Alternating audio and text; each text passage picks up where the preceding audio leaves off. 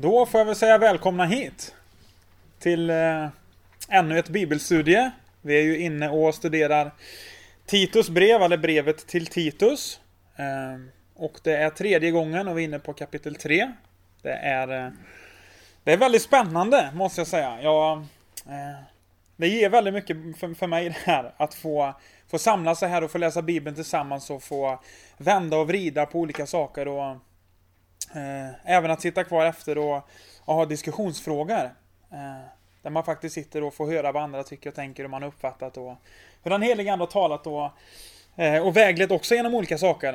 Eh, så att jag har verkligen sett fram emot att få, få ta sista delen här, kapitel 3. Eh, men jag tänkte först, vilka är det som, som har missat då? Del 1 eller del 2? Ja, det... ja, men jag har varit med, det är lite blandat så här ja. Vi är en liten kort bakgrund bara då. Eh, som sagt, författare till, till detta brevet är alltså Paulus. Eh, man tror att det skrevs eh, ungefär 63-64 någonstans. Eh, förmodligen från Makedonien. Eh, och man tror att det skrevs samtidigt som första Timoteusbrevet då.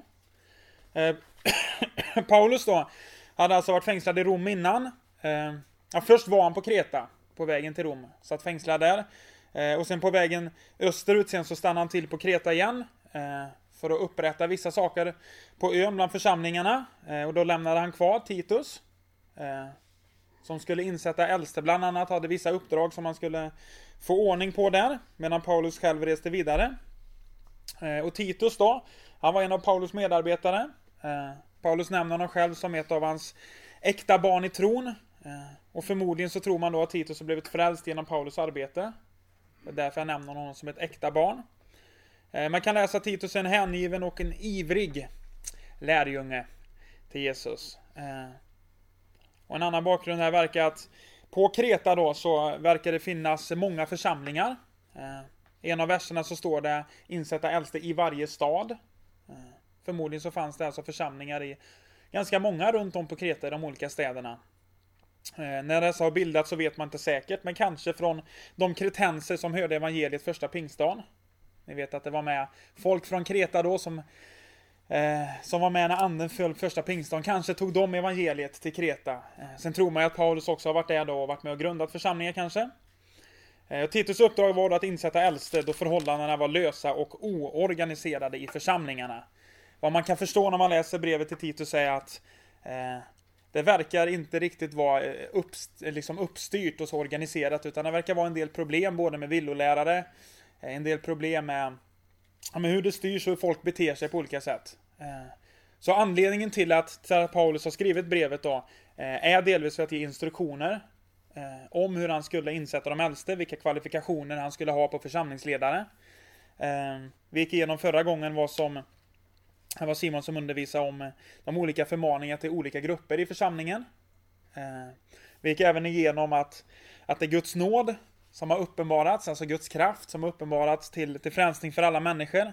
Eh, och att genom den nåden, den kraften, så kan vi också, alltså vi får hjälp av den heliga Ande att kunna leva värdigt Guds evangelium. Att det inte är våran egen kraft vi klarar att stå emot allting eller leva rättfärdigt, utan det är kraft av den heliga Ande som vi kan leva det liv som Gud har kallat oss till. Eh, och det var mycket annat som vi också gick igenom där. Men så kommer vi in då till kapitel 3. Eh, och det är lite fascinerande att få, få, läsa om vad faktiskt Paulus skrev till den tidens, alltså till församlingen. Eh, eller till Paulus här då, som olika uppdrag han skulle göra. Och vi, vi kommer göra så att vi läser igenom vers för vers här. Eh, men om vi börjar med vers 1 och 2. Eh, så står det så här i kapitel 3 att, att påminn dem om att de ska underordna sig och lyda myndigheter och makthavare och vara beredda att göra allt som är gott. Att inte förolämpa någon, utan hålla frid och vara tillmötesgående och visa vänlighet mot alla människor. Det var ganska spännande förmaningar han ger till dem här. Eh, de ska påminna om att underordna sig och lyda myndigheter och makthavare. Eh, kanske var det så att det var lite oroligt i församlingen. Att man gick sin egen väg. Eh, att man tyckte att vi är kristna så vi behöver inte lyda vad myndigheterna säger, vi sköter vårt eget. Eh, men Paulus säger ganska strikt till de här att ni ska Ni måste underordna vad myndigheterna säger. Eh, ni måste liksom lyda vad makthavarna säger och Det finns på andra ställen, vi ska läsa det också i bara tittar man tillbaka i kapitlet innan här. Så står det i vers 2, eller kapitel 2, vers 14. Så skriver han att Jesus då har offrat sig själv för oss för att friköpa oss från all laglöshet. Alltså Jesus kom för att friköpa oss från laglösheten, från anarkin. Eh, han ville att det skulle vara ordning och reda. Du vet, frihet är ju inte när det inte finns några regler. Frihet är när det finns en ordning och reda på saker och ting. Det är sann frihet. Eh, så vad Jesus kom, det var faktiskt att friköpa oss från laglöshet. In till ett liv ordnat i former. Eh, där det var ordning och reda. Och vi kan läsa hur han skriver till romarna. Vi kan slå upp Romarbrevet kapitel 13.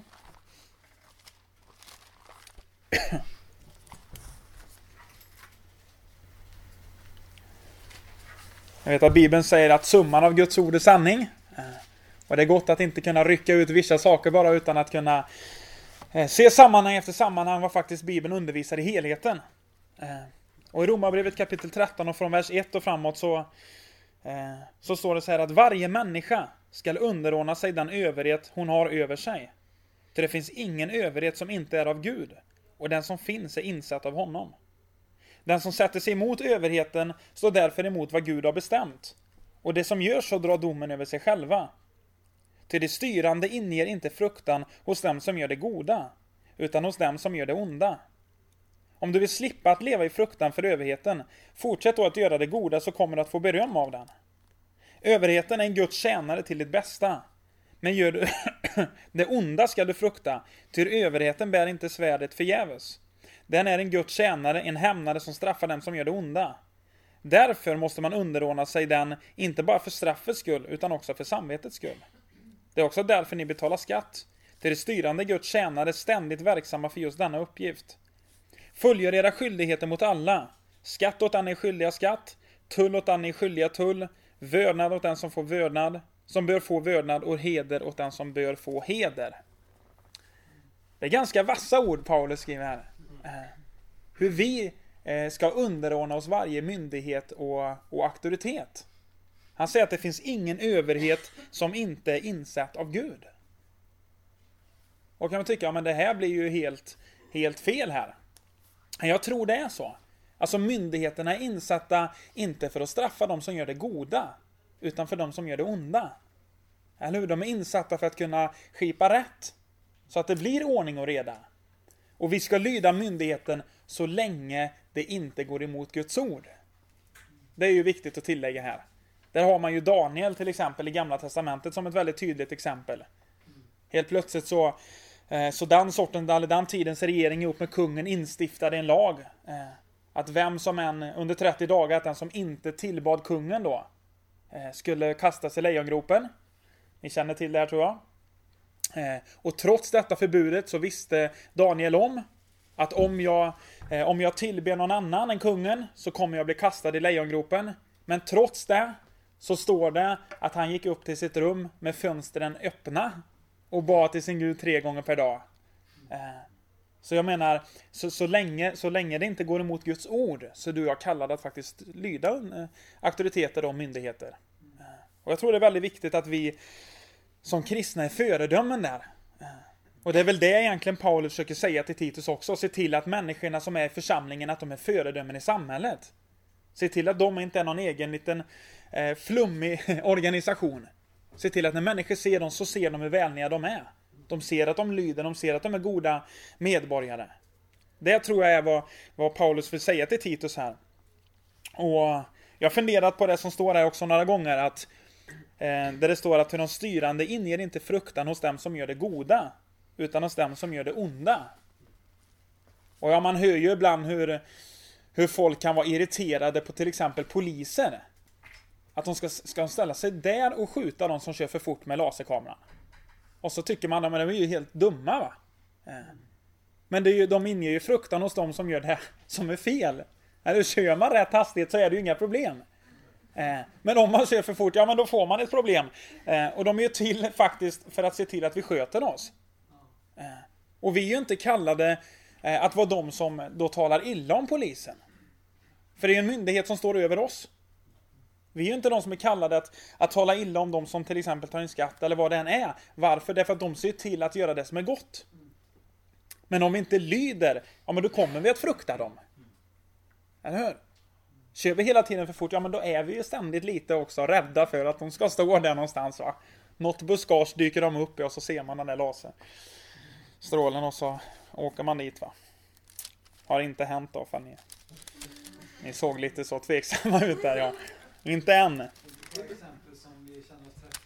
Nej just det, jag ska ta egna eh, exempel. Men jag har varit med då, så kan jag säga. Det är inte så kul. När den där boten på 4000 kommer och körkortet ryker. Eh, Men som sagt, när man gör det som är rätt så behöver man ju inte frukta det där. Vi kan läsa också bara i första Petrus kapitel 2.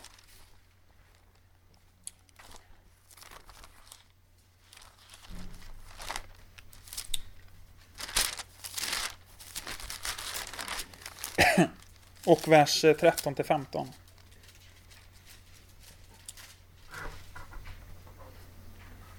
Nu är det då Petrus som har skrivit här att Underordna er varje myndighet för Herrens skull.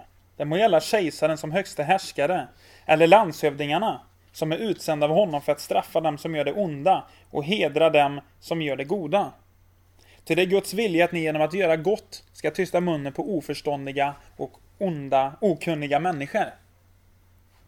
Alltså underordna varje myndighet för Herrens skull. Det må gälla kejsaren som högste härskare eller landshövdingarna som är utsända av honom för att straffa den som gör det onda och hedra dem som gör det goda. Det är där, därför vi har auktoriteter och makthavare och myndigheter. För att de som faktiskt ska hedra de som gör det goda och eh, straffa de som gör det onda då. Eh, så fortsätter de säga till det är Guds vilja att ni genom att göra gott ska tysta munnen på de som är oförståndiga och okunniga människor. Så jag menar när vi för ett gott leverne eh, och är föredömen i att lyda och människor ser upp till oss så kommer de också tala om gott om oss och våran Gud. Eh, och jag tror det är dit eh, Paulus vill komma här. Att vi ska vara föredömen. Att när människor ser på, ja men titta det är ju folket, det är ju de som älskar Jesus. De, de, de lyder ju alltid. De är alltid föredömen. Och människor har ingenting ont att säga om oss. Därför att vi lever representativa liv. Ganska fint ord där, repres, säger man så va? Eh, vi fortsätter att läsa i Titus, kapitel 3 här. Från vers 3. Så står det så här att vi var själva en gång oförnuftiga, olydiga och vilsegångna. Vi var slavar under många slags begär och lustar. Vi levde i ondska och avund. Ja, vi var avskyvärda och vi hatade varandra. Men när Guds, vår frälsares godhet och kärlek till människorna uppenbarades, ja, då frälste han oss. Inte för rättfärdiga gärningar som vi hade gjort, utan på grund av sin barmhärtighet. Genom ett bad till ny födelse och förnyelse i den heliga Ande, som han rikligt utgjöt över oss genom Jesus Kristus, vår frälsare. Detta skedde för att vi skulle stå rättfärdiga genom hans nåd, och, som vårt hopp är, bli arvingar till det eviga livet. När han börjar här så säger han att vi var själva en gång oförnuftiga, olydiga och vilsegångna. Vi var slavar under många slags begär och lustar. Vi levde i ondska och avund, vi var avskyvärda och vi hatade varandra. Troligt positivt levnadssätt. Inte alls. Det var så de levde en gång, säger han, innan de mötte Jesus. Innan de mötte honom så var de vilsegångna. Man var slavar under massa grejer, man slets hit och dit. Det, det var saker som begär, det var lustar. Det var hela tiden saker som, som liksom tog deras tid och det var splittringar. Eh, och man bara kände att ja, men, vi lever i ondska och avund. Men plötsligt, när Guds, vår frälses godhet och kärlek till människorna uppenbarades så frälste han oss. Och jag har reflekterat flera gånger över att vilken skillnad det är på livet innan man möter Jesus och livet efter. Att det kan inte fortsätta likadant. Jag tror att när man möter Jesus så händer det någonting. Det går inte, om livet har sett fantastiskt ut, möter man Jesus och fortsätter likadant. Nej, när man möter Jesus så blir det en förvandling. Ni vet själva att man blir född på nytt. Plötsligt så blir man en ny andlig skapelse i Kristus Jesus. Och jag tror att det där är någonting vi alltså ibland behöver återröra på nytt, alltså på nytt födelsen. Att det händer någonting i en människas liv när man tar emot Jesus. Man blir en ny andlig skapelse. Eh, och det är därför också som dopet har en sån stark betydelse. Därför att en människa blir frälst, född på nytt, så har man något gammalt som man behöver begrava. Och oavsett om man inte har levt ett liv som, som det kanske står om här, om man har levt rövare och gjort en massa grejer, så har man fortfarande synd. Och har levt ett gammalt liv.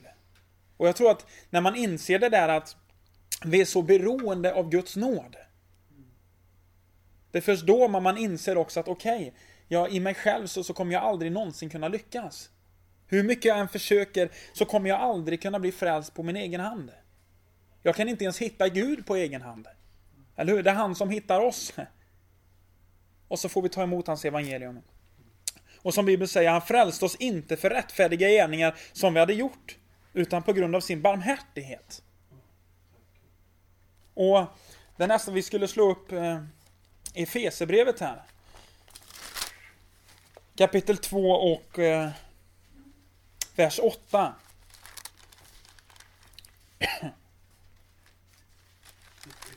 kapitel 2. Efesierbrevet kapitel 2 och vers 8. Eh, där det också bara förklaras så tydligt vad, hur evangeliet fungerar. Eh, det står att ty av nåden är ni frälsta genom tron. Inte av er själva, Guds gåva är det. Inte på grund av gärningar för att ingen ska berömma sig. Ty hans verk är vi. Skapade i Kristus Jesus till goda gärningar som Gud har förberett så att vi ska vandra i dem. Och ja, vet ni, till Guds nåd, eller till, till nåd, till nåden är ni frälsta. Genom tron, inte av er själva. Guds gåva är det. Inte på grund av gärningar för att ingen ska berömma sig. Det är då man inser vilket evangelium vi har.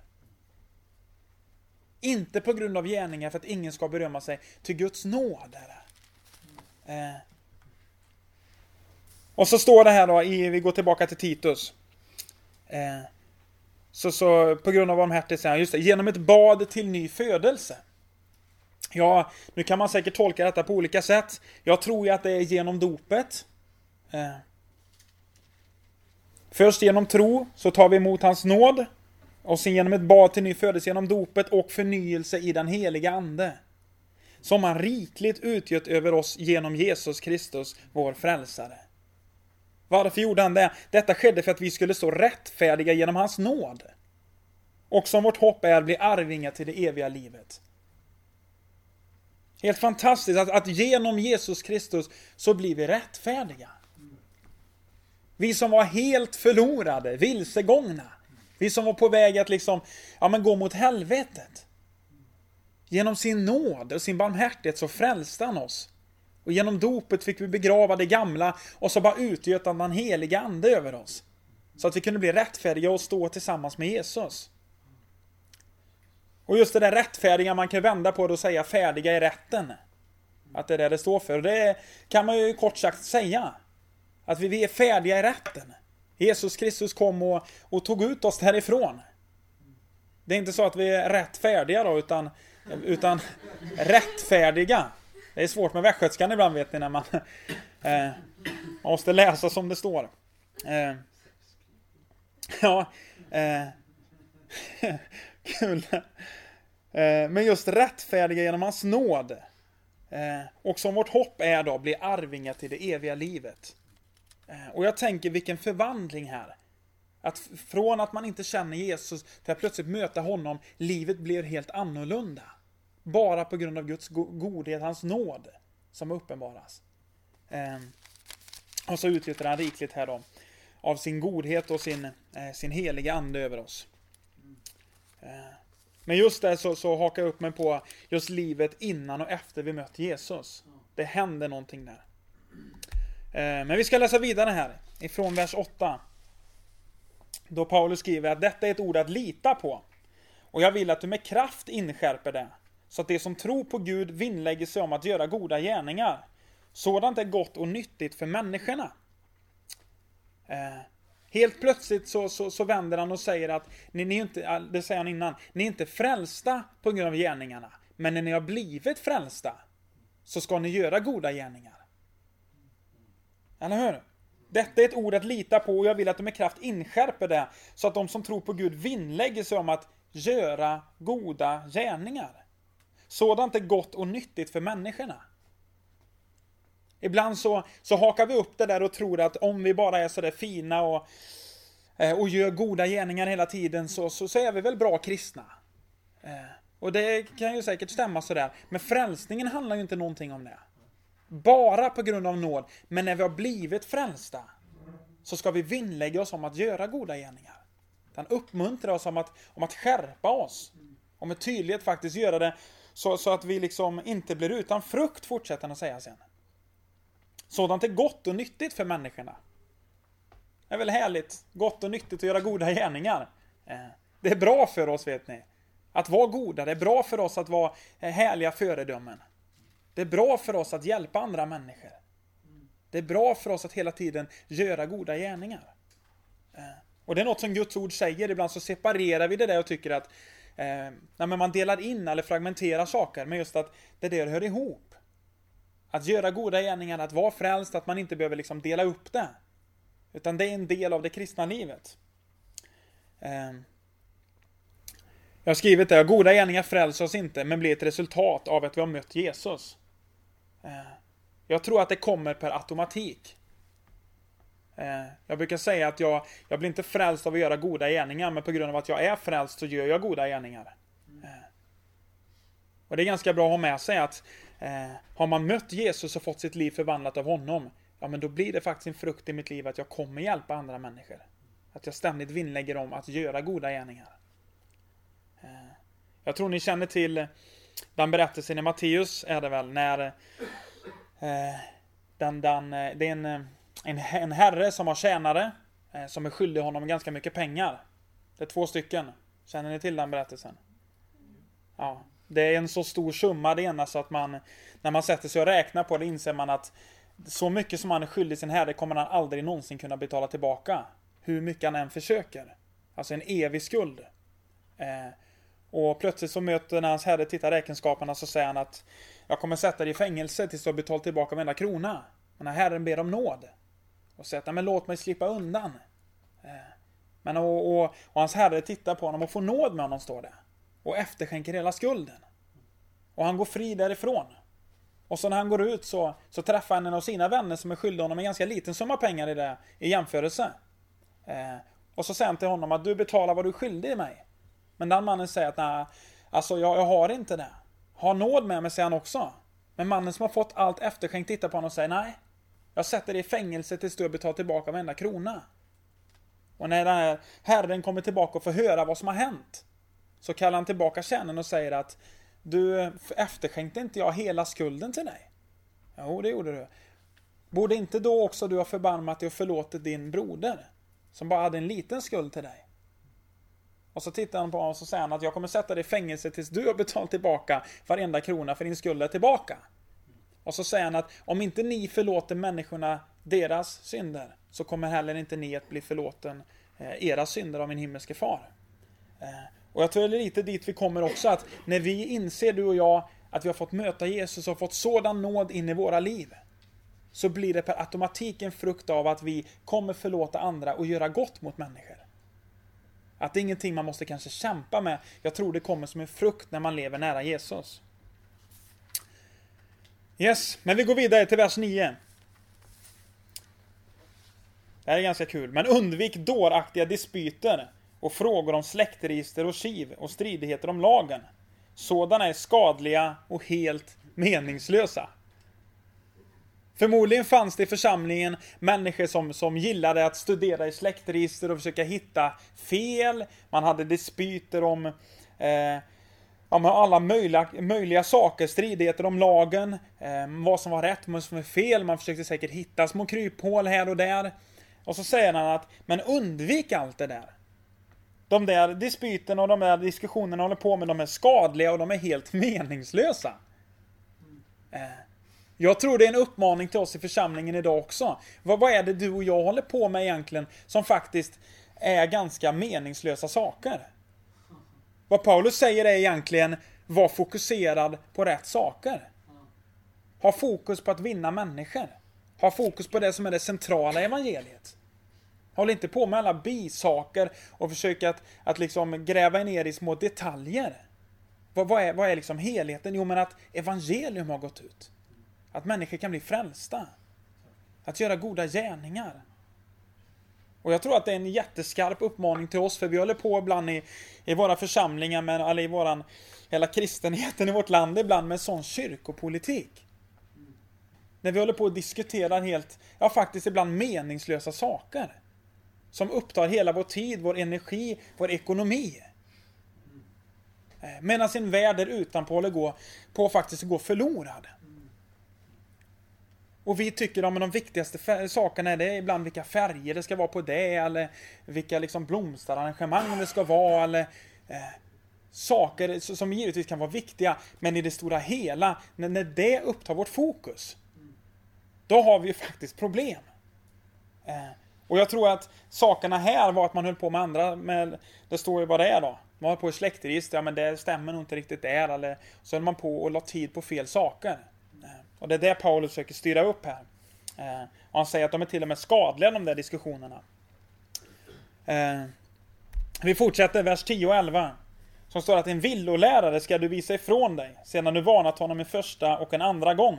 Eftersom du vet att en sådan är på fel väg och syndar och har dömt sig själv. Tydlighet ifall ni möter en villolärare. Hur gör vi med en sån? Ja, vi, vi liksom tillrättavisar honom. Det första vi gör det är ju inte att vi ställer oss i strid. Och skickar iväg honom. Nej, vi säger men vi får nog titta efter här. Och så försöker vi att vinna människan. Om det inte går, ja men då försöker vi en gång till. Om den fortfarande håller så hårt på sitt, ja då är det faktiskt dags att, att avvisa den människan. Och säga att du håller på med det är inte rätt och riktigt. Men kan man göra så? Ja men det är vad Bibeln lär. Att vi faktiskt ska göra. Det betyder att jag tror att man var ganska fast på vad evangeliet innehöll här. Man var ganska tydlig på varje punkt vad man stod för, vad man trodde på, vad som var accepterat och inte accepterat.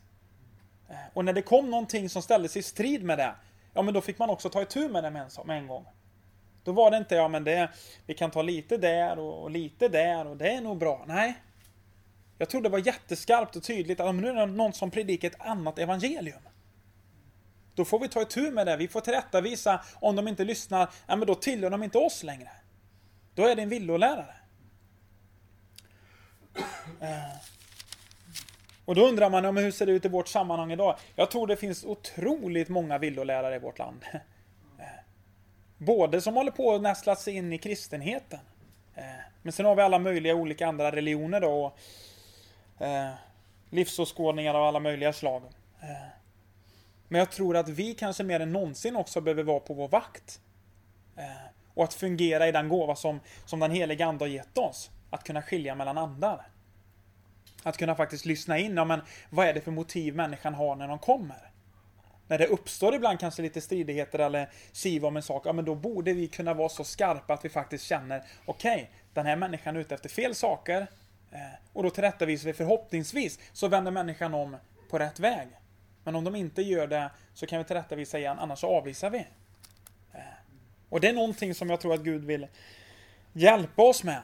Eh, så att vi kan leva rätt och riktigt, rent och överlåtet. Vi fortsätter i vers 12 då. Det kommer lite hälsningar här. Då Paulus säger att när nu sänder Artemas och Tykikus till dig så skynda dig att komma till mig i Nikopolis. Jag har beslutat mig för att stanna där över vintern. Eh, där förstår man på nytt hur, hur tajta förmodligen Paulus och Titus är. Eh, han sänder några andra medarbetare och säger att när de kommer så kan inte du komma till mig då? Eh, så vi kan få dela med oss, stämma av hur läget är. Se hur arbetet går. Eh, för själv hade han beslutat sig för att stanna där då. Eh, fortsätter man så säger han att juristen Senas och Apollo ska du utrusta ordentligt så att de inte saknar något. Också de våra ska lära sig att utföra goda gärningar och fylla nödvändiga behov, så att de inte blir utan frukt. Det är två fascinerande versar. Juristen Senas Apollo ska du utrusta ordentligt så att de inte saknar något. Alltså var det församlingens uppgift att utrusta dem och ge dem vad de behövde. Så att de inte skulle sakna någonting. Och så säger han också att de våra ska lära sig att utföra goda gärningar och fylla nödvändiga behov. Varför då? Så att de inte blir utan frukt. Än en gång så säger han att du är kallade att göra goda gärningar. Så att när människor ser oss så hyllar de Jesus. När de tittar på våra liv så blir Gud ärad. Ja, varför då? Genom att vi är generösa. Genom att vi är goda, genom att vi är föredömen. Och jag skrev upp att vi kunde slå upp eh, Filipperbrevet. Kapitel 2, vers 3-5.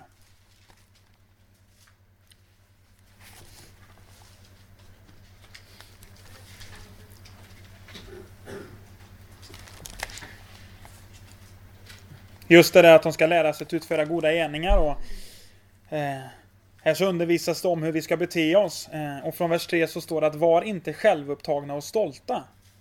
Var istället ödmjuka och sätt andra högre än er själva. Se inte på ett eget bästa utan tänk på andras. Ja, var så till sinnes som Kristus Jesus var.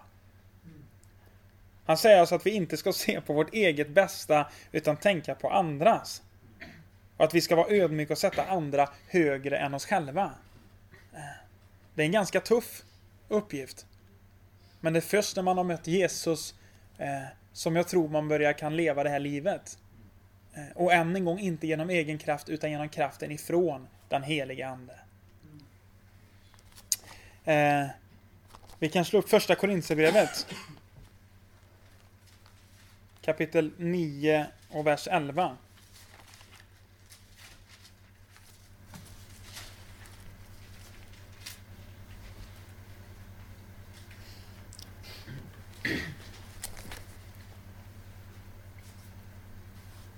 Eh, än en gång att fylla nödvändiga eh, behov, att ut, inte bli utan frukt då. Så står det att i vers 11 att när vi har sått ett andligt utsäde bland er, är det då för mycket begärt att vi skördar något av ert jordiska goda?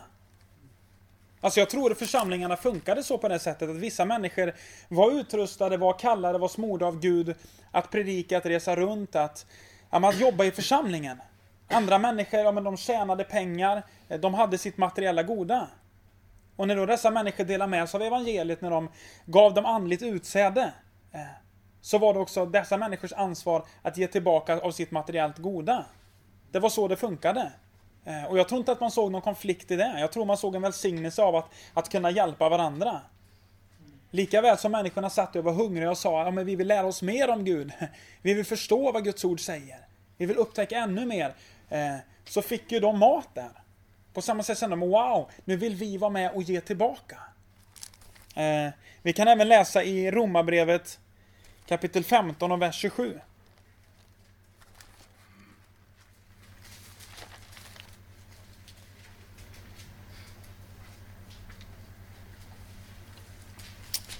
Det är bara för att visa att det, det verkar vara så det fungerade. Eh, här har varit en insamling och då står det så här att så har de beslutat och det står också i skuld till dem. Till om hedningarna fått del av deras andliga goda så är de också skyldiga att tjäna dem med sitt materiella goda.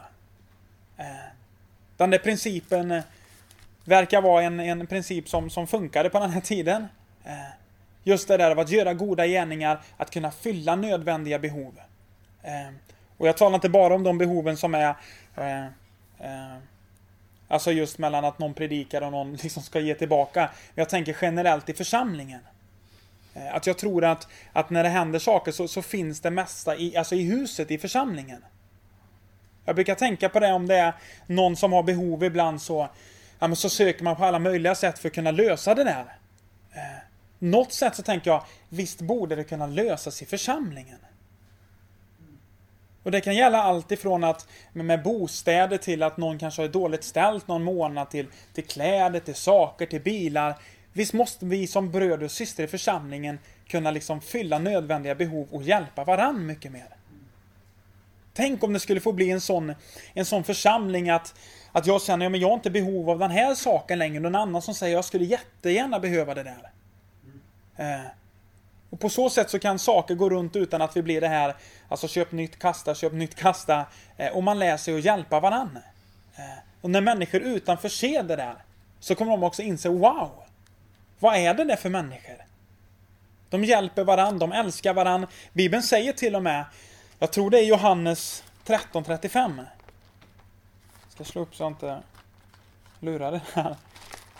Ja, så står det så här. Om ni har kärlek till varandra skall alla förstå att ni är mina lärjungar.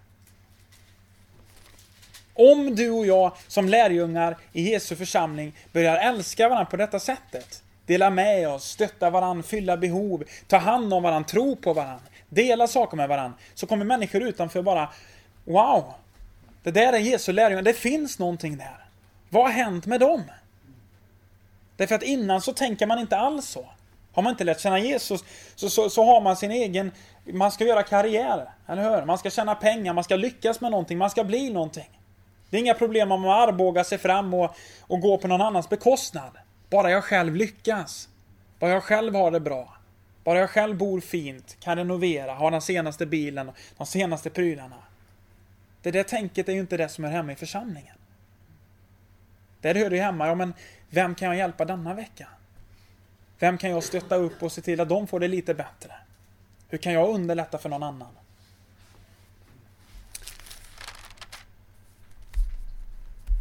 Eh, ska se, vers 13 var en avslutningshälsning här bara tror jag va? 15. Eh, då står det alla som är hos mig hälsar till dig. Hälsa till dem som älskar oss i tron. Nåd vare med er alla.